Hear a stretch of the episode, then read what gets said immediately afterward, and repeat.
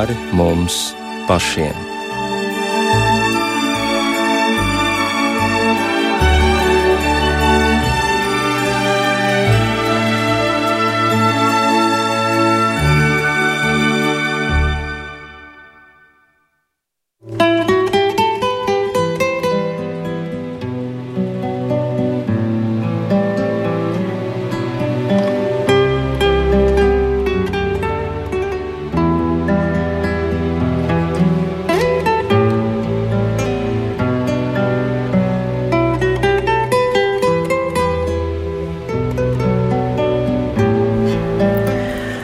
Labvakar, redzījumā pāri mums pašiem, lai ir slavēts Jēzus Kristus.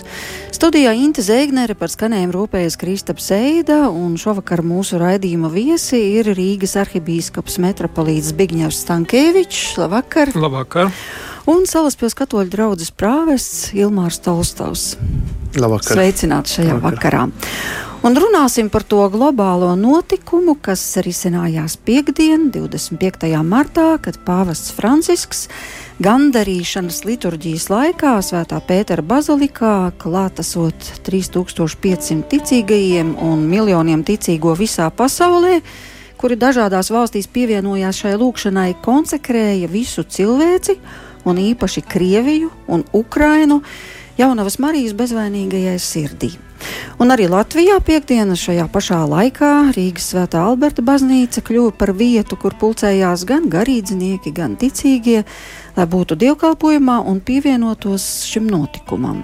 Un tāpēc vispirms es gribu vaicāt, kas šis īsti bija par notikumu un kas ir šī par veltīšanos, kāpēc tas bija tik globāli svarīgi un ko tas mums līdz šajā situācijā, kurā šobrīd dzīvo pasaule. Jā, tas bija skaists vakars. Man gan nesanāca būt Alberta baznīcā, kaut arī vēlējos būt tur, bet mēs eh, Salaspils draugā arī lūdzāmies šo veltīšanās lūgšanu.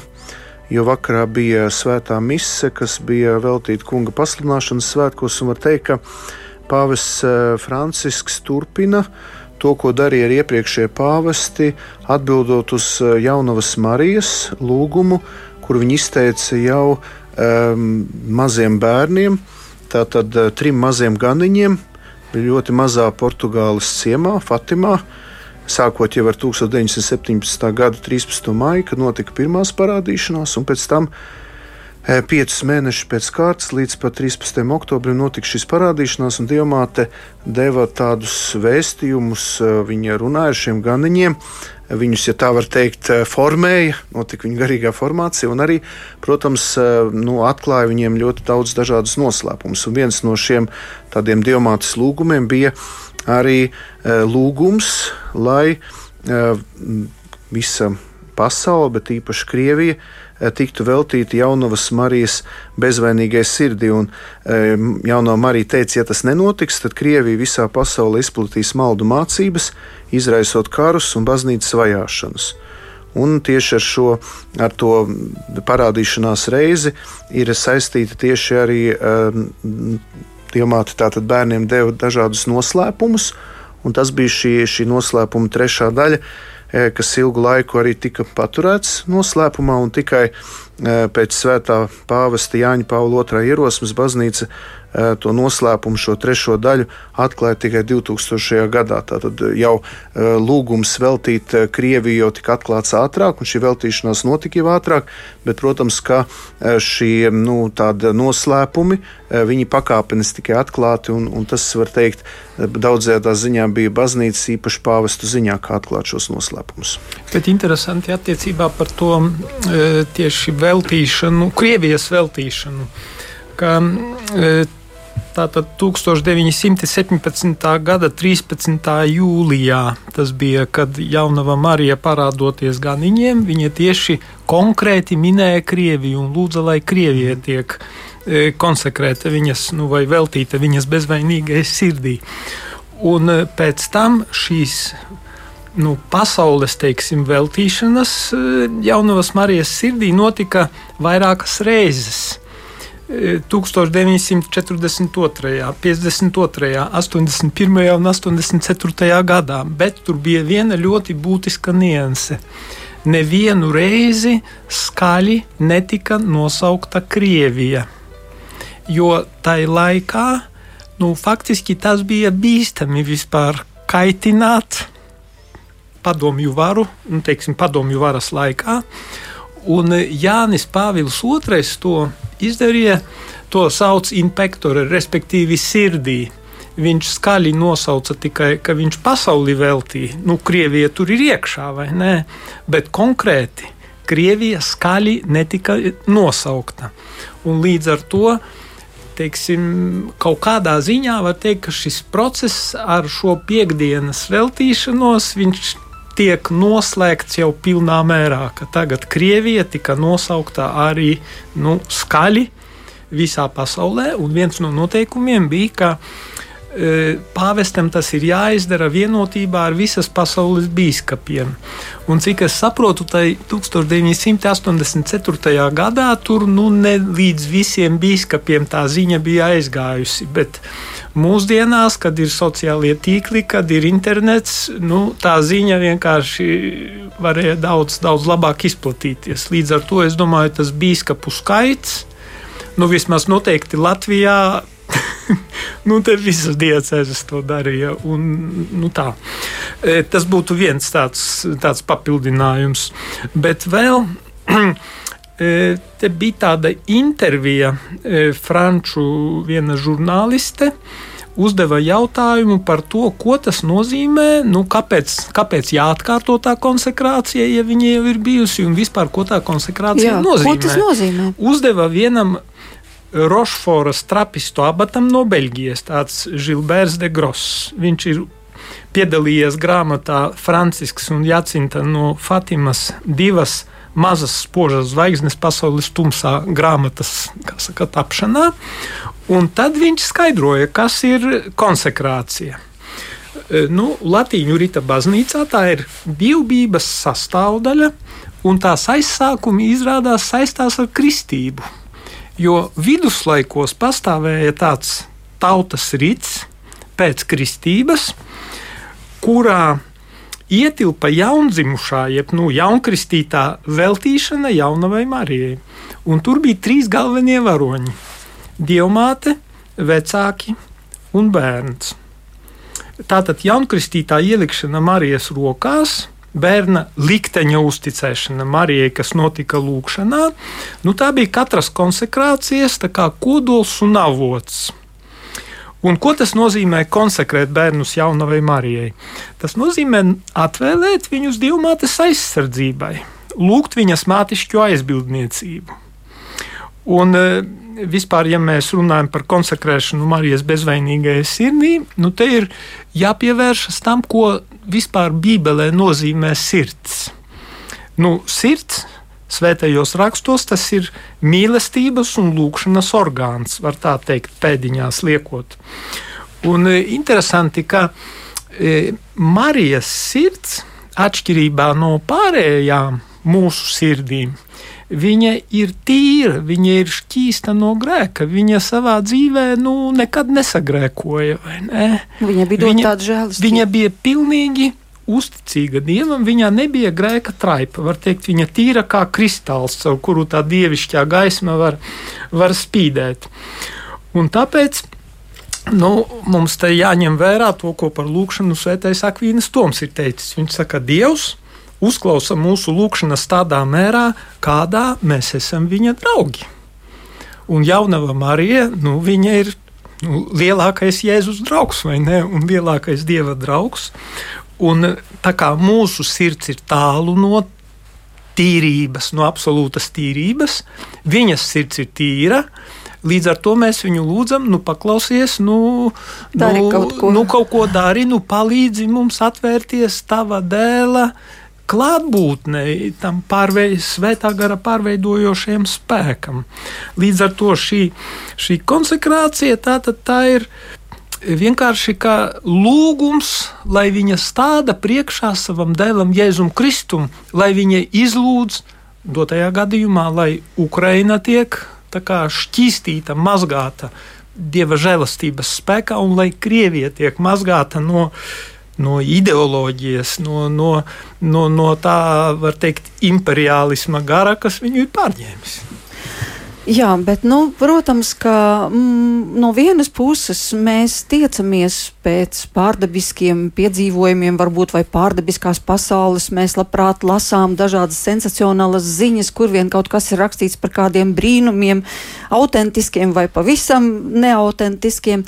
No otras puses mums ir diezgan grūti noticēt eh, tādam materiālās un garīgās pasaules saskares punktam, kā tas, piemēram, notika 1900. 1917. gadā Fatimā.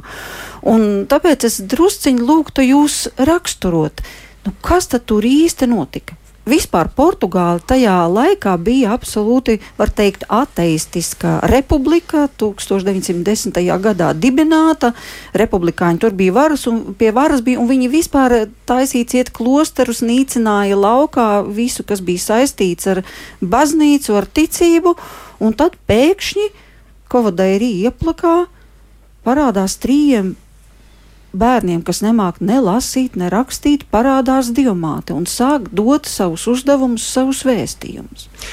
Paturpinot vēl domu par konsekrāciju, var teikt, ka, var teikt, nu, ka šī diamāts arī parādīšanās ir saistīta ar to, ka tas ir brīnums. Un konsekrācija nozīmē, piemēram, baznīcā kaut ko iesvērt, piemēram, baznīcu vai arī kādu garīdznieku. Tad var teikt, ka viņu izņem no laicīgās apgrozības, nu, atdot dievam, ka tas tagad piederēs dievam, ka tas būs tagad dieva rīcībā.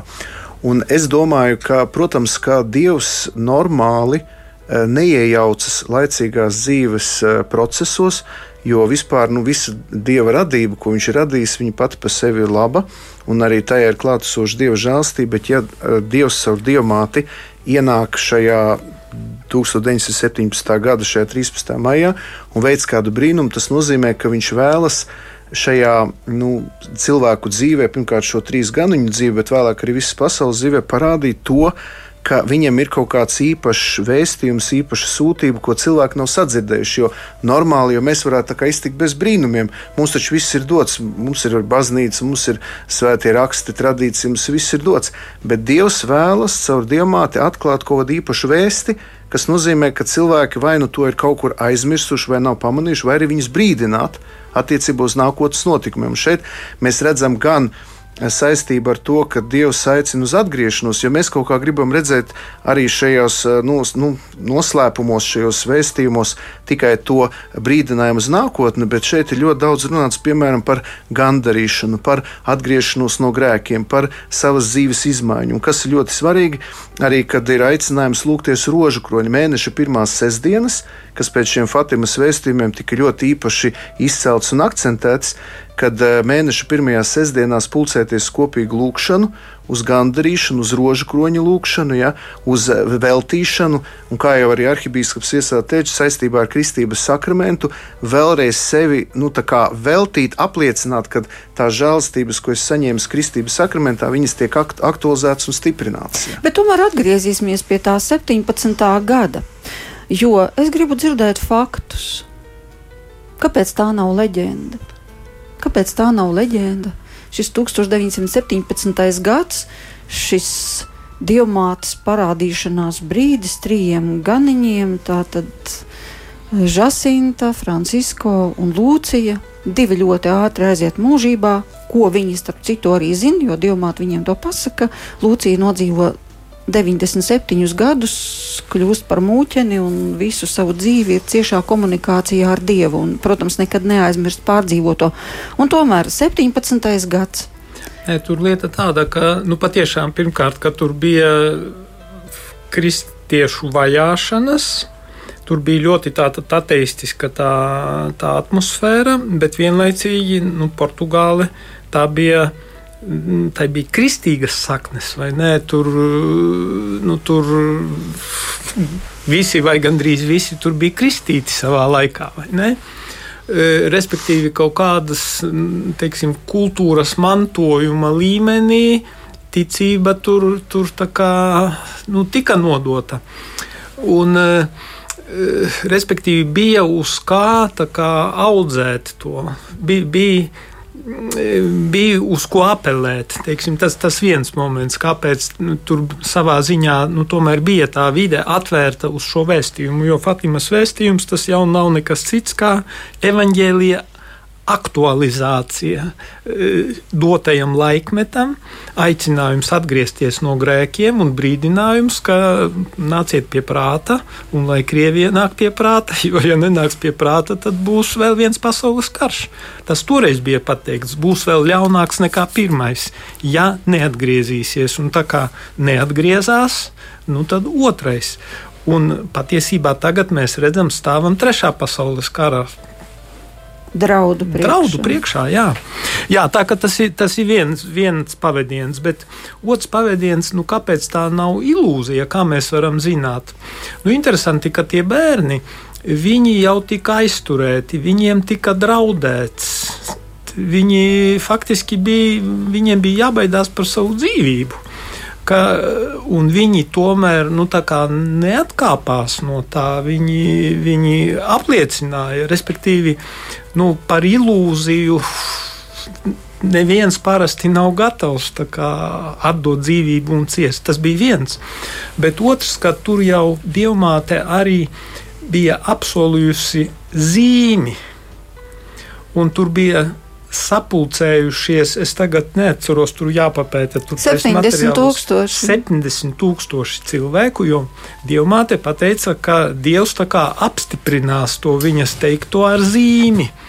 Un, nu, ka tev tā nav ilūzija, ka vienkārši neviens jau bērniem tur tajā neticēja, tajā ciemā īsti, un visi šaubījās un arī par viņiem smējās. Jā. Un tad tika apsolīts 70, cil, 70 tūkstoši cilvēku sapulcējās, un saules deja tā saucamā, saule dejoja pa, kā saka, pie apvāršņiem, pa debesu jumu un to visi redzēja, un, un to nevarēja noliegt. Nu, tā nebija dabiska parādība. Ne? Un tad, ja nemaldos, tur kaut kas arī ar lietu bija. Ka, Drēbes izžūva viņiem. Pilnīgi. Ka tur apkārt viss mm -hmm. ir salījis un slapjš, un tajā vietā, kur parādās mm -hmm. dievmāte, tur ir sauss. Un, nu tā, respektīvi, tur tika dotas apstiprinājums nošas zīmes tam, ka, nu, ka tā nav ilūzija. Un galu galā pravietojumus jau atpazīst pēc tā, tas jau ir svēto rakstu kritērijs, ka ja pravietis saka, ja tas piepildās, nu, nu, tad tas ir īsts pravietojums. Ja tas nepiepildās, tas ir viltus pravietojums. Un pravietojums bija par Otro pasaules karu. Bija, ka būs vēl ļaunāks bija par to, ka, ja neatgriezīsies, izplatīs pa visu pasauli savus maldus. Nu, inficēja taču pusi pasaules, un Jā, dažās Krievija. vietās vēl Korejā, un nezinu, tur Nikaragvā tagad vēl Kubā vēl nav beidzies. Respektīvi, toreiz Dievmāte teica, ka lūdzieties par Krieviju. Uh, un, jo, ja Krievija neatgriezīsies, tad uh, notiks Krievijā ļaunas lietas, izplatīsies maldu mācība, ticīgie. Pa visu pasauli. Pa visu, visu pasauli nu, komunismu jā. izplatīja pa visu pasauli. Bet to teica viņa tiem nabaga mazajiem bērniem, jā, kad jā. revolūcija vēl nebija notikusi. Un tie bērni nezināja, kas tā tāda Krievija. Viņi domāja, ka tā ir kāda ļauna sieviete par kuru vispār ir runa, jo viņi jau nekādu geogrāfiju nepārzināja. Nu, jā, nu, skolā laikam vēl nemaz Nē, neviens no viņiem viņam. Nemā, nemācīja. Varbūt Lūcija mācīja lasīt vai rakstīt, bet arī laikam pat tajā laikā nē. Un tad viss, visi šie pravietojumi piepildījās. Un kas ir interesanti, es šodien apskatījos, ka izrādās, ka Wikipēdijā ir ļoti plaši par to aprakstīts. Tas ir dokumentēts, ir avīžu raksti, ir fotografijas, jo tajā laikā taču visi reportieri bija saskrējuši fiksēt šos notikumus, jo domāju, ka nekas jau nenotiks, ka viņi nofotografēs vienkārši slapjus, salījušus un nīgrus šos tūkstošus, kas vīlušies dodas atpakaļ uz saviem ciemiem. Bet rezultātā ir šīs fotogrāfijas, kur visi vienkārši sastinguši bailēs izbrīnās, skatās uz augšu, nometušies ceļos, un šos faktus nevar apgāzt. Tas ir fakts, bet tālāk. Jā, bet es gribu arī pateikt, ka baznīca jau, lai atzītu arī kādu brīnumu, veic jau ļoti nopietnu izmeklēšanu. Mēs redzam arī uz daudzām citām dievmātes parādīšanām. Nav jau tā, ka tagad kāds kaut ko pateica un ka uzreiz mēs to atzīstam. Te arī ir fiksēts, ka 1930. gada oktobrī Lēras biskups paziņoja, ka trīs bērnu vīzijas ir ticības cienīgas un arī deva atļauju sākt Fatimas diamātas kultu. Un, Un te ir redzams, ka nu, tā jau tiešām nebija, ka tagad mēs tā vienkārši kāds kaut ko pateica, un tur daudzi fakti saskanēja. Bija lietas, kuras nevarēja izskaidrot, ne ar zinātniskiem, ne ar dažādiem pat medicīniskiem paņēmieniem, ja kādas, kādas lietas, kuras arī tie bērni tika intervēti, viņi tika pārbaudīti, vai viņi gadījumā nav slimi, vai viņiem nav halucinācijas, vēl kaut kas. Ja. Es domāju, viņi izgāja lieliem pārbaudījumiem cauri. Un beigās eh, tā patiesība jau nu, triumfē. Viņa parādījās, jo, ja tā lieta ir no dieva, ja viņa ir autentiska, viņa jau nekur nepazūd, viņa paliek. Un baznīca tādā ziņā ir ļoti piesardzīga, bet beigu beigās eh, tika redzēts, ka šie, nu, ka šie vēstījumi, ka šīs vīzijas ir autentiskas. Jā, patiešām, jo baznīca ir savas procedūras, obligātās procedūras, kurām jāiziet cauri, lai, lai atklāsmes varētu paziņot par autentiskām, nu, privāt, tā saucamās privātās atklāsmes, jo šeit ir jāpaskaidro, ka ir tā saucamā publiskā atklāsme, kas ir e, pierakstīta svētajos rakstos, un kura tad tiek saka, paskaidrota baznīcas tradīcijā. Tā ir publiskā un tā ir saistoša ikvienam kristietim. Bet, un tad ir privātās atklāsmes, kur, kuras tiek dotas no atsevišķiem izvēlētiem cilvēkiem, viņas nav saistošas, viņas var teikt, nu, opcionāli vai nē. Viņas ir, ja tev palīdz tic, tavā ticībā, tad tu viņas kā, pieņem, bet lai atzītu lai to, ka tā privāta atklāsme ir ticības, uzticības cienīga, tad tur ir tie principi. Un, protams, pirmais princips, piemēram, vai sakrīt, vai nav pretrunā ar svētajiem rakstiem vai nav pretrunā baznīcas mācībai. Tad priesteris Ilmārs minēja, ka e, psihiatri tad arī izpēta, vai, vai tur nav psihiskā slimība un kaut kādas halucinācijas. Tad jāpārbauda arī e, to atklāsmes saņēmēju morāles līmenis, vai viņi nav vienkārši krāpnieki, kuri izliekās, ka viņiem ir kaut kas tāds vai nē. Tur, tur tiek noskanēts nu, pilnīgi pēc vesels saraksts Un tikai tad, ja, ja tur viss ir tīrs, nu, tad, tad, tad var teikt, jā, nu, acīm redzot, ir pamats uzskatīt, ka šeit patiešām ir dieva darbība notikusi. Mums ir iespēja uz mirkli nokļūt Svētā Pētera bazilikā un ieklausīties, kā notika šī gandarīšanas dievkalpojuma norise nu, ievada dziesmu vismaz paklausīties, lai kaut kā ieiet šajā noskaņā.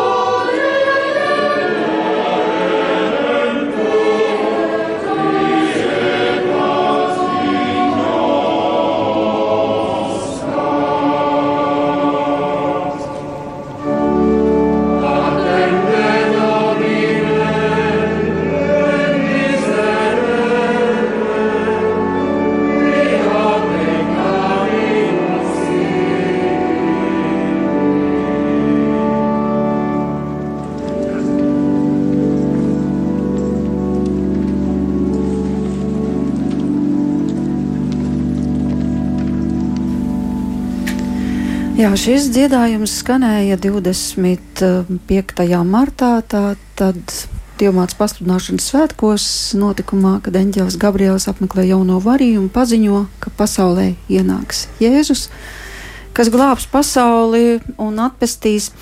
Bet jūs minējāt, ka vairākas reizes jau ir eh, noticis šāds veltīšanās akts.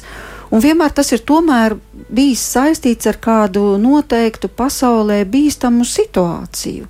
42. gads, nu skaidrs, tas ir kara laiks, Jā. un tad šī veltīšanās izskan šķiet parādio. Pēc tam, es tā paskatos, 52. gads. 52. gads, 2. jūlijas, un es domāju, kādā sakarībā tad ir bijusi šāda apustuliska vēstule no pāvesta Pija 12 Un tad es tā atcerējos, bet jā, bet 53. gadā nomira Staļins. Tātad kaut kāda rezonance tam visam tomēr bija. Uh, Kubas krīze, jā, 60. gadi, Kubas krīze, bet 84. gads, kad jūs teicāt, Jānis Pāvils II veltīja 82. Pēc dažiem jā. mēnešiem ievēlēja Gorbačovu par ģenerālsekretāru un sākās Piristroika. Un vēl daži gadi, un Padomju Savienība sabruka. Nu, tur tas rezultāts bija graujošs. Nu, Jā. protams, viņš bija izstiepts mazliet vairāku gadu garumā, bet nu, rezultāts. Bet, bet nu, mūžības priekšā vai, vai tūkstošu gadus saka, perspektīvā skatoties, nu, tas bija zibenīgi, daži mēneši. Nu, tagad sākas. ir notikusi šī veltīšanās vēlreiz. Tā tad, nu, tas ir tāds aicinājums dievam iejaukties situācijā, kas šobrīd ir notikusi šajā Krievijas uzbrukumā, šiem kara šausmas, lai beidzot pasaulē iestātos miers. Bet... Atnā, atnācu no dievkalpojuma mājās un izlasīju ziņās, ka Krievija ir pasludinājusi, ka pirmā fāze ir beigusies tai viņu operācijai. Kas jau arī liecina par kaut kādu tektonisku sakustēšanos visā tajā procesā.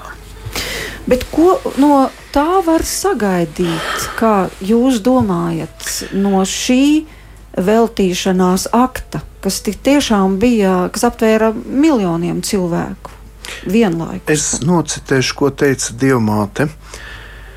1917. gada 13. jūlijā citēja viņas vārdu: Es prasīšu Krievijas veltīšanu manai bezvainīgai sirdī un gandarījumu svēto komuniju piecu mēnešu pirmajās sestdienās.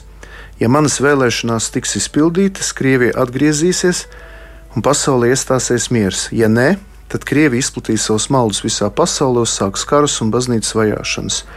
Taisnīgie kļūs mocekļi, svētais tēvs daudz cietīs, vairākas tautas tiks iznīcināts. Bet beigās mana bezvainīgā sirds triumfēs. Un uh, Marija, uh, jaunā Marija dod šiem bērniņiem tādus vairākus uzdevumus, un es domāju, kā mēs šeit arī runājam par to, ka Protams, tā veltīšanās tas ir dievmāts lūgums, kas jāizpild, bet ir svarīgi, lai arī ticīgie iesaistītos šajā, tāda var teikt, kalpošanā kopā ar dievmāti, lai tā Krievija arī līdz galam atgrieztos. Un šeit Marija lūdz e, izpildīt vairākus noteikumus. Viņa lūdz, lai katra mēneša pirmajā sestdienā cilvēki ietu pie grēka sūdzes, tātad nožēlotu grēkus, tātad, lai mēs būtu tīri savā sirdīs bez e, smagiem grēkiem lai pieņemtu svēto komuniju mēneša pirmajā sestdienā, lūgties vienu rožu kroņa daļu pirmajā mēneša sestdienā, un viņa arī aicina ceturtais noslēpums, tas ir pirmajā mēneša sestdienā 15 minūtes apdomāt, meditēt vienu vai vairākus rožu kroņa noslēpumus, tātad iet šie dziļajā meditācijā. Tas nozīmē, mums arī ir jāiet šis atgriešanās, jeb garīgās atjaunotnes ceļš, jo mēs esam diamātes nu, draugi, mēs esam viņa palīgi. Un es domāju, rožu kroņa lūkšana, mēs zinām, kad arī tā Lepanto kauja, kad eh, pēc kuras arī tika ieviests 7. Eh, oktobris rožu kroņa karalienes svētki, tā kā es nāku no Salaspils, kas ir rožu kroņa karalienes draudzes, to karogu tagad turu ļoti augstu, arī kad uzvarēja turku pārspēks, ja uzvarēts. Tāpat Austrija pēc otrā pasaules kara viņai draudēja kļūt par sociālistisku republiku. Austrieši izgāja ārā ielās vairāk miljonu, paņēma rokās rožkroni un, un, un padomju karaspēks atkāpās. Ja. Es domāju, ka mēs nevaram tikai domāt, nu tā tagad pāvests ar bīskapiem un, un priestriem visa dieva tauta veic šo veltīšanās aktu, un to viss ir beidzies. Dievmāte šajā 13. jūlijā 17. gada saka gan veltīt gan arī šīs gandrījuma svētās komunijas. Tātad visa dieva tauta ir aicināti iesaistīties, lai nav tā, ka mēs paliekam malā un mēs, kas saka, esam tik priecīgi, viss ir izdarīts un tā. Tātad visas baznīcas lūkšana, atgriešanās, rožakronis, tātad garīga atzimšana, varētu pat teikt, garīga atmoda. Jo es domāju, ka arī Krievijai vajadzīga atmoda. Mēs jau lūdzamies arī par nu, Krievijas atgriešanos. Nav jau tā, ka viņi nav ticīgi, tur ir pareizticīgi, ja viņi tāpat godina dievmāti. Bet es domāju, tie ir tādi garīgi procesi, tas ir garīgs ceļš, kad mēs arī līdz iesaistamies šajā kopīgajā darbā, varētu teikt, ar dievmāti. Te tāda piebilde, jo, protams, ir tādi, kas domā, ka, nu jā, ja jau Krievijā atgriezīsies, tad nu, tur visi kļūs par katoļiem. E, bet tas nav tā domāts. Tas nav domāts, ka visiem tur jākļūst par katoļiem, bet tādā ziņā, ka jāatgriežas pie dieva. Un, jā, acīm redzot, katrs lai savā tradīcijā, kādā viņš tur ir, lai viņš atgriežas. Bet, ja jau mēs runājam par Krieviju, tad man gribās arī nocitēt vienu no Krievijas e, katoļu biskupiem, Saratovas diecēzes biskups Klimants Pikels, ko viņš saka. E, ko viņš teica pirms e, lūk, 25. Viņš saka, tā, mēs vēlamies palīdzēt saviem ticīgajiem, labi izprast tautu veltīšanas akta nozīmi un garīgi savienoties, garīgi sagatavoties šim notikumam. Svarīgi, lai mēs paši kopā ar viņiem lūgtos, un lai lūkšana aizsniegtu mūsu sirdis, jo bez sirds iesaistīšanas, bez ticības, konsekrācijas teksta nolasīšanai nav jēgas. Tautu veltīšana Visvētākās jaunavas Marijas bezvainīgajai sirdī nav maģija, bet patiesa lūkšana. Tāpēc viņš saka, mēs vēlamies uzticēt Krieviju un Ukrainu Marijai, ielikt šīs zemes viņas rokās, pareizāk sakot, pat ne rokās, bet viņas sirdī. Mēs visi vēlamies atrasties Marijas sirdī. Lūksim Dieva māti, lai pēc iespējas ātrāk tiktu pārtraukta asins izliešana Ukrainā, lai palīdz mums lūgt viņas dēlu darīt visu, kas ir viņa spēkos lūk, nu, tā garīgā, garīgais pildījums, tā teiksim, ka nav, ka ķeksīti nolasīja vienu, vienu tekstu un viss notiek fokus pokus, vai ne? Nu, respektīvi, mēs neko nemainām, bet vienkārši pāvests savu darbu izdarīja, un tagad mēs sēžam un gaidām rezultātu, kad jā, būs. Jā, jā, būs. mēs esam līdzdalībnieki šajā procesā no mūsu katra personīgās atgriešanās ir atkarīga tā stunda, kad tā kara darbība izbeigsies. Arī, arī. Protams, pirmām kārtām no tiem iesaistītajiem, bet arī no mums, jo garīgā līmenī, kaut kādos gara dziļumos, cilvēce ir viens, viņi, mēs esam saistīti. Mēs, nu, tā kā Zeme ir gravitācija, kura, saka, aptver vis, visu Līdz ar to ir kaut kāda garīgā gravitācija un ir kaut kāda grēka gravitācija, tā, kura ietekmē. Līdz ar to no katra no mums arī ir kaut kas atkarīgs. Ja mēs atgriežamies, ja mēs lūdzam, gandaram un piesaucam Dievu un lūdzam, lai Dievmāte kā pastiprina mūsu lūgšanu ar savu lūgšanu, nu tad procesi notiek. Jā, bet ir arī dzirdēts tāds jautājums, kāpēc būtu jālūdz par Krieviju? Atvainojiet, piedodiet, tas par Ukrainu, ka jālūdz, tas ir pilnīgi skaidrs. Tur nekādi jautājumi nerodas. Bet kāpēc būtu jālūdz par Krieviju? Jo pastāv pat tāds uzskats, ka, ja tu lūgsi par ļaunu cilvēku, tas nozīmē, ka tu viņam tikai vēl dosi papildus spēku izplatīt savus ļaunos darbus. Tu vēl viņam spēku ar savām lūgšanām iedos. Nē, tā ir, tā ir maģiskā pieeja, bet, bet kristīgā pieeja ir tāda, ka lūdzoties, to atbruņo ļaunuma spēku tā sirdī. E, otra tā, tā ļaunuma darītāja sirdī. Un galu galā tas, kas notiek Ukrajinā, tās nelaimes tur. Var teikt, tās saknes jau aiziet uz Krieviju, pavēles jau tiek dotas Krievijā, vai ne? Un no Krievijas jau tās lidmašīnas lido un, un raķetes tiek šautas, vai ne? Es jau gribu pateikt, ka mums jāatcerās, ka Krievija nav atteikusies no komunisma simboliem. Man ir nācies būt Maskavā un tikties arī ar, varētu pat teikt, augstas kārtas pareizsīgo garīdzniekiem, un arī atcerēsimies kāda simbola atrodas baznīcā, kas ir veltīta tām militārajiem spēkiem. Ir redzamas bildes, kur ir iesvētīta baznīca, kas ir militārā baznīca visas Krievijas. Tur ir ļoti daudz dažādi simboli, kas, diemžēl, ir joprojām saistīti ar komunismu. Ir šis sirpis un āmurs un viss šī ideoloģija. Un es domāju, mums jau jālūdz, lai Krievija līdz galam atteiktos no šīs ideoloģijas, kas tur ir. Jo vēlreiz saku, mums jau ne jau pret miesu un asiņu jācīnās, bet šīs, pret šīs pasaules gariem. Tā kā es domāju, ka tā Krievijas atgriešanās ir saistīta ar to, ka viņi beigu beigās piekrīt atteikties no tās ideoloģijas, kuras iespējā mēs bijām. Tie paši elki, šie Ļeniņa, Ļeniņa pieminekļi un daudz citi šie marksisma, eh, ļeņinisma simboli, kuri, nu, es uzskatu, ka ir kā elki. Ja? Kuriem cilvēki joprojām turpina kalpot. Un mauzolejs jau ar vienu leņķina mauzolejs tur stāv goda vietā. Tas ir kā svētnīca, kā, kā altāris, kā templis. Un patiešām, ka Krievija viņa ir inficēta. Nu, tas bija no cara laikiem, kad uh, tas imperiālisma gars, ka visu laiku bija jāpaplašinās un jāaprī apkārtējās tautas, jāiekļauj savā sastāvā. Mm -hmm. Padomju Savienības laikā uh, tas transformējās jau nevis Krievijas, bet saka, komunistiskās ideoloģijas apritē, ir jāiekļauj un visa pasaule saka, jāpadara, jāpakļauj komunisma ideoloģijai.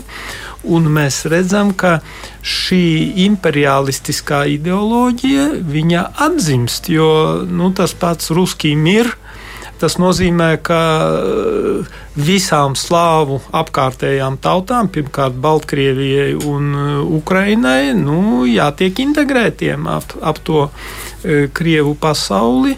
Un, Nu jā, un tā ir tāda domāšana, ka kur, kur ir tas ļaunums, ka netiek līdzīgi kā svarīgi, lai cilvēka cieņa tiek respektēta, ka mēs nedrīkstam otram cilvēkam uzspiest nu, pret viņa gribu, tā kā viņu laust, pakļaut viņu. Bet tāpat jau ir tā cieņa tautām, tā pašnoteikšanās tiesības, un šeit netiek respektētas Ukraiņu tautas pašnoteikšanās tiesības, tiesības izvēlēties savu ceļu, savu iekārtu, savu attīstības ceļu. Nē, jūs mūs apdraudat, jums, jā, jums jāiet tā, kā, kā, kā priekš mums ir izdevīgi. Nu, lūk, tas ir tas imperiālisma gars, bet, diemžēl, te ir jāpasaka, ka tas jau neatiecas tikai uz Krieviju. Jo nu kā, nu, imperiālisms tādā tiešā veidā viņš tur sabruka 20. gadsimtā, tur 60. gadā, man liekas, tur 17 kaut kādas valstis kļuva neatkarīgas, nu, koloniālās vai ne. Bet ir jau tā saucamais neokoloniālisms. Mūsdienās jau lielās un varenās valstis, lielvalstis, viņas, nu kā pēc otrā pasaules kara, nu bija tā interešu sfēra, bija pasaule pārdalīta, tā ir mana interešu sfēra, kur mana ietekmes sfēra un tava. Un šodien jau tas arī notiek. Krievija to tādā ļoti rupjā, ļoti tiešā veidā. Viņa to tagad ir saka, izdarījusi militāriem līdzekļiem. Bet ekonomikas līmenī tas jau arī notiek, tā, tās ietekmes. Galu galā esam redzējuši, ka kā kaut kas nepatīk, tā laiž lidmašīnas un bumbo. Tas jau ne tikai uz Krieviju attiecas. Jā, bet... Šobrīd jā, bet, bet, bet es runāju par problēmu, ka, ka šis vīrus, teiksim, šī, šī impēriskā domāšana, tā ir, tā ir pasaules problēma, vai ne? Pasaules mm. līmeņa problēma, visu faktiski lielo valstu, lielu valstu problēma. Un tomēr lai nu kā tas nebūtu, bet jau no 17. gada, kad vēl nebija notikusi revolūcija, Dievmāte brīdina par Krieviju, pēc tam vēl Lūciju, kad viņa ir klostermāsa 29. gadā, vēlreiz brīdina par Krieviju un nemitīgi tas iet cauri. Saskatot tajā zināmu bīstamību un tai pašā laikā potenciālu, ja vien, ja vien notiks atgriešanās, grēku nožēla, atzimšana. Ja? Un, un izrādās, ka arī ka... mums ir iespēja Uh, ar savu lūgšanu veicināt, lai šī atzimšana beidzot notiktu. Tad tā es saprotu. Jā, jo tai 17. gadā Krievija bija tas, kā saka, nervs, tas uh, visbīstamākā vieta. Uh, no kuras saka, tā infekcija pa visu pasauli aizgāja. Un, ja mm, šodien, un šodien mēs redzam, ka vienkārši atzimst impēriskā ideoloģija citā līmenī, un atkal Krievija ir kļuvusi par agresoru Eiropas nu, vidienē, var teikt.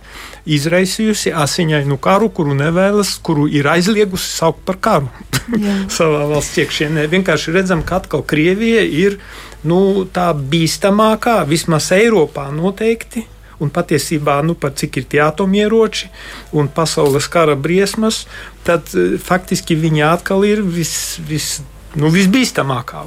Tāpēc par viņu visvairāk arī jālūdz, lai tur notiek pārmaiņas. Katrā ziņā svētie raksti ir pilni ar brīdinājumiem. Tas nav nekas neparasts, ka Dievs ik pa laikam iejaucas spēcīgi cilvēces vēstures gaitā un brīdina par to, par to vai par to. E, vecajā darbā ļoti daudz šo piemēru ir Jēzus brīdina, vai ne? Kas notiks ar Jeruzālēm, akmens uz akmens nepaliks. Visu laiku mēs ar to sastopamies, mm. bet arī tālāk, piemēram, man bija liels pārsteigums, ka 17. gadā. Marijai Margaritai Alokok. Mēs zinām, viņa paralemoniāli šajā dievnamā, šajā katedrālē atdusās, viņas miesas nav satrūdējušas. Mēs varam aizbraukt, kad vien ir iespēja un būt šajā bazilikā. Viņai bija šī komunikācija. Jēzus parādījās, viņai lūdza konsekrēt Franciju toreiz eh, Jēzus sirdī lūdza izdarīt šo aktu. Un viņa rakstīja vēstules, rakstīja Lujam 14., rakstīja Lujam 15. Nekas nenotika, bet pagāja simts gadu notika Franču revolūcija, Luju nu jau 16. ielika cietumā, Un nogrieza galvu, giljotinēja. Un giljotinēja. Kar, karalim nogrieza galvu. Un tad viņš saprata, ka kāpēc viņš nav uzklausījis šo brīdinājumu, kurš jau bija dots. Un Jā. cietumā esot, cietumā esot, tad viņš klusībā vienatnē konsekrēja Franciju Jēzus sirdī, bet bija jau pavēlu, jo viņš vairs nebija karalis. Jā, bet... Viņš jau bija nomests no troņa. Es domāju, cik sāpīga pieredze. Un tajā pašā laikā, kāpēc mēs tik viegli prātīgi pret to izturamies? Tāpēc es arī, kā jau arhibīskaps teica, tas nav maģisks akts, jo vēlāk mēs zinām arī svētā Faustīna, kas, eh, nu, kurai atkal Jēzus deva šo vēstījumu par Dieva bezgalīgo žēlsirdību un aicinājumu atgriezties.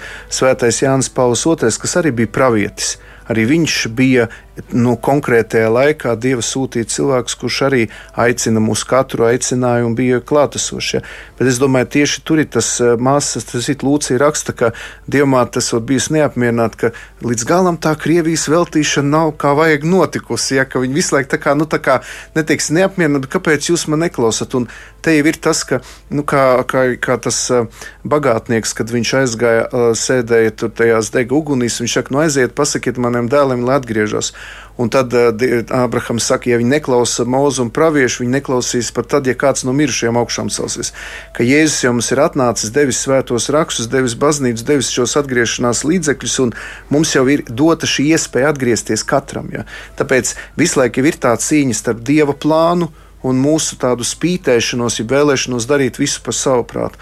Un es domāju, ka tā atmoda, tā atzimšana, tas miers sākās mūsu sirdīs ja es atgriežos, ja es izvēlos dzīvot kopā ar Jēzu, ja man ir personīgas attiecības, tad jau es ieeju šajā brīvības karā. Bet kāpēc tā vien šķiet, ka to ir viegli pateikt? Nu, tā kā jums, kā garīdzniekiem, bet tajā pašā laikā ļoti grūti izdarīt.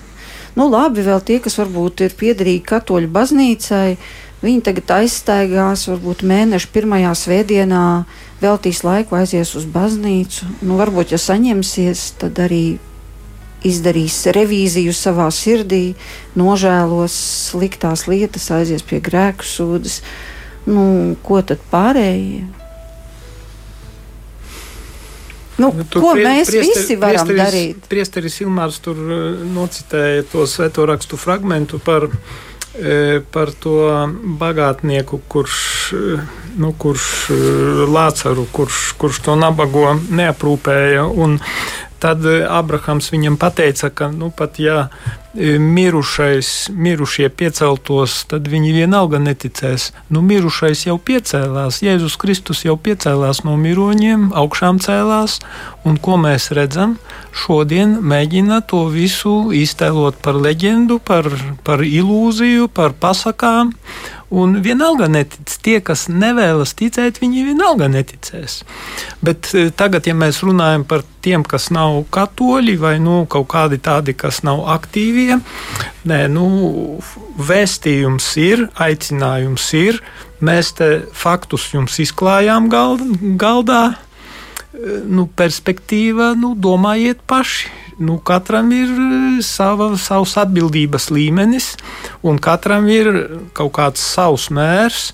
E, cik lielā mērā viņš var atgriezties, cik viņš var nākt pie dieva un, un nu, reformēt savu dzīvi, atvērt viņu dieva klātbūtnei. Tas ir iespējams katram. Tas, ir, tas, nav, tas nav neiespējams. Dievs neprasa no mums neiespējamo. Es, es domāju, vēl kas ir, ka jāsaprot, ka Krievija visu laiku atkārto to narratīvu, ka Eiropa ir izvirtusi, ka tur ir šīs geju lietas un ka tur ir ļoti liela morāliskā netikumība un ka viņi it kā dodas aizstāvēt arī morālu un likumību. Nu, ir kaut kur šis tāds, tāds nu, ir, ir ļoti stipri. Jā, un pie tam arī interesanti, ka konservatīvos cilvēkus Latvijā, kas aizstāv ģimenes vērtības, bieži vien sauc par putinistiem, un Krievijas draugiem mēs aizstāvam morālas vērtības. Un tāpēc es domāju, ka mums pašiem ir jālūdz arī par Eiropas atgriešanos, lai Eiropa atgriežas pie savām kristīgajām saknēm, lai, uh, lai ģimenes uh, nu, vērtības tiktu atjaunotas, lai tiktu atzīta šī laulība, kas savienības starp vīrieti un sievieti. Jo ja mēs Latvijā un Eiropā atgriezīsimies, ja mūsu šie Eiropas cilvēki kļūs dievbijīgi, ticīgi un izlīguši ar Dievu baznīcu, tad tas būs tas garīgais resurss spēks, ko mē, mēs varēsim stādīt pretī Krievijai. Tātad mums patiesībā ir jāsāk arī cīnīties ne, nu, ar sevi, jāsāk mainīt savu dzīvi, atgriezties pie Dieva, un tad arī izmainīsies visa apkārtējā pasaule. Nu, Vai... Jā, un tad arī tam oficiālajam narratīvam no Krievijas puses nebūs kur kā, pieķerties, pieķerties. jo šobrīd var ar to manipulēt un, kā saka, e, padarīt vienu par, kas aizsedz visu apvārsni mm. un ignorēt visu pārējo. Jo viņi norāda Eiropai, jā, tā ir reāla problēma, uz ko viņi mhm. norāda. Mm. Nu, bet paši bumbo bērnu dārzus, slimnīcas un, un mm. kā saka, sievietes un bērnus. Tā, Līdz ar to jā. tur. Vai tādā gadījumā var tā teikt, ka ja mēs gribam dzīvot komfortā, un lai ir miers, un pēc tā augst katrs cilvēks. Bet tik un tā miers nav iespējams, ja cilvēks ignorēs dieva likumus. Tad vienkārši notiek pretruna starp to, kam Dievs apsola svētību, darīsiet to, to, to, es jums došu svētību, jums būs auglīgi dārzi, jūs stādīsiet vīnogulājus, nu viss, kas tur ir apsolīts, viss ir izlasāms Bībelē. Bet, ja ja, ne, ja nebūs šī Bet, ja, dieva, visa, jā. Jā, ja visa cilvēce tomēr tajā procesā, atgriešanās procesā nebūs, tad būs, kā saka, ļaunie, kuri, kuri metīs bumbas, kuri šaus, un būs šis krusts, būs šīs ciešanas. Un Jēzus jau saviem sekotājiem neapsolīja uh, dzīvi pa pastaigu parožu dārzu. E, viņš tomēr aicina ņemt līdzdalību viņa krustā, vai ne? Bet viņa uzvarā arī pār, pār ļaunumu un pār nāvi caur krustu. Jā, katrā ziņā es saprotu, ka katrs var kaut ko darīt, kaut vai ar to, ka izmeklē savu sirdsapziņu, un jo tīrāka sirdsapziņa, jo auglīgāka lūkšana, jo auglīgāka lūkšana. Jā, tieši jo... tā. Tieši tā. Nu, tad arī varbūt īsu lūkšanu no tās veltīšanās. Jā, vienu fragmentu. Vien, vienu, vienu fragmentu, jā, nolasīsim. Svētā Dieva māte, kamēr tu stāvēji zem krusta, Jēzus, redzēdams tev blakus mācekli, tev teica: Lūk, tavs dēls! Tā viņš te uzticēja katru no mums. Tad savam māceklim, katram no mums, viņš teica: Lūk, tava māte! Māte! Tagad mēs gribam pieņemt tevi savā dzīvē un savā vēsturē Šajā stundā cilvēce, bezspēcīga un dziļi satriekta, kopā ar tevi stāv zem krusta. Un tā ir nepieciešams uzticēties tev, caur tevi veltīt sevi Kristum. Tāpēc Dieva un mūsu māte mēs svinīgi uzticam un veltījam tavai bezvan, bezvainīgajai sirdī sevi, baznīcu un visu cilvēci, īpaši Krieviju un Ukrainu. Veltījam tev arī mūsu Latviju Pieņem šo mūsu aktu, ko veicam ar paļāvību un mīlestību. Dari, lai karš tiktu izbeigts, dāvā pasaulē mieru, lai jāvārds, kas izplūda no tavas sirds, atver vēstures durvis miera karalim. Mēs paļaujamies, kā ar tavas sirds starpniecību pasaulē atkal iestāsies miers. Mēs veltām tev visas cilvēces nākotni, tautu vajadzības un gaidas, pasaules bažas un cerības. Nāc svētais gars, dvēs pār Latviju, pār Ukrainu, pār Krieviju. Nāc mūsu sirdīs, pārliecini mūs par grēku, taisnību un tiesu, un atver mūsu sirdis Jēzus Kristus klātbūtnē mūsu dzīvē. Amen!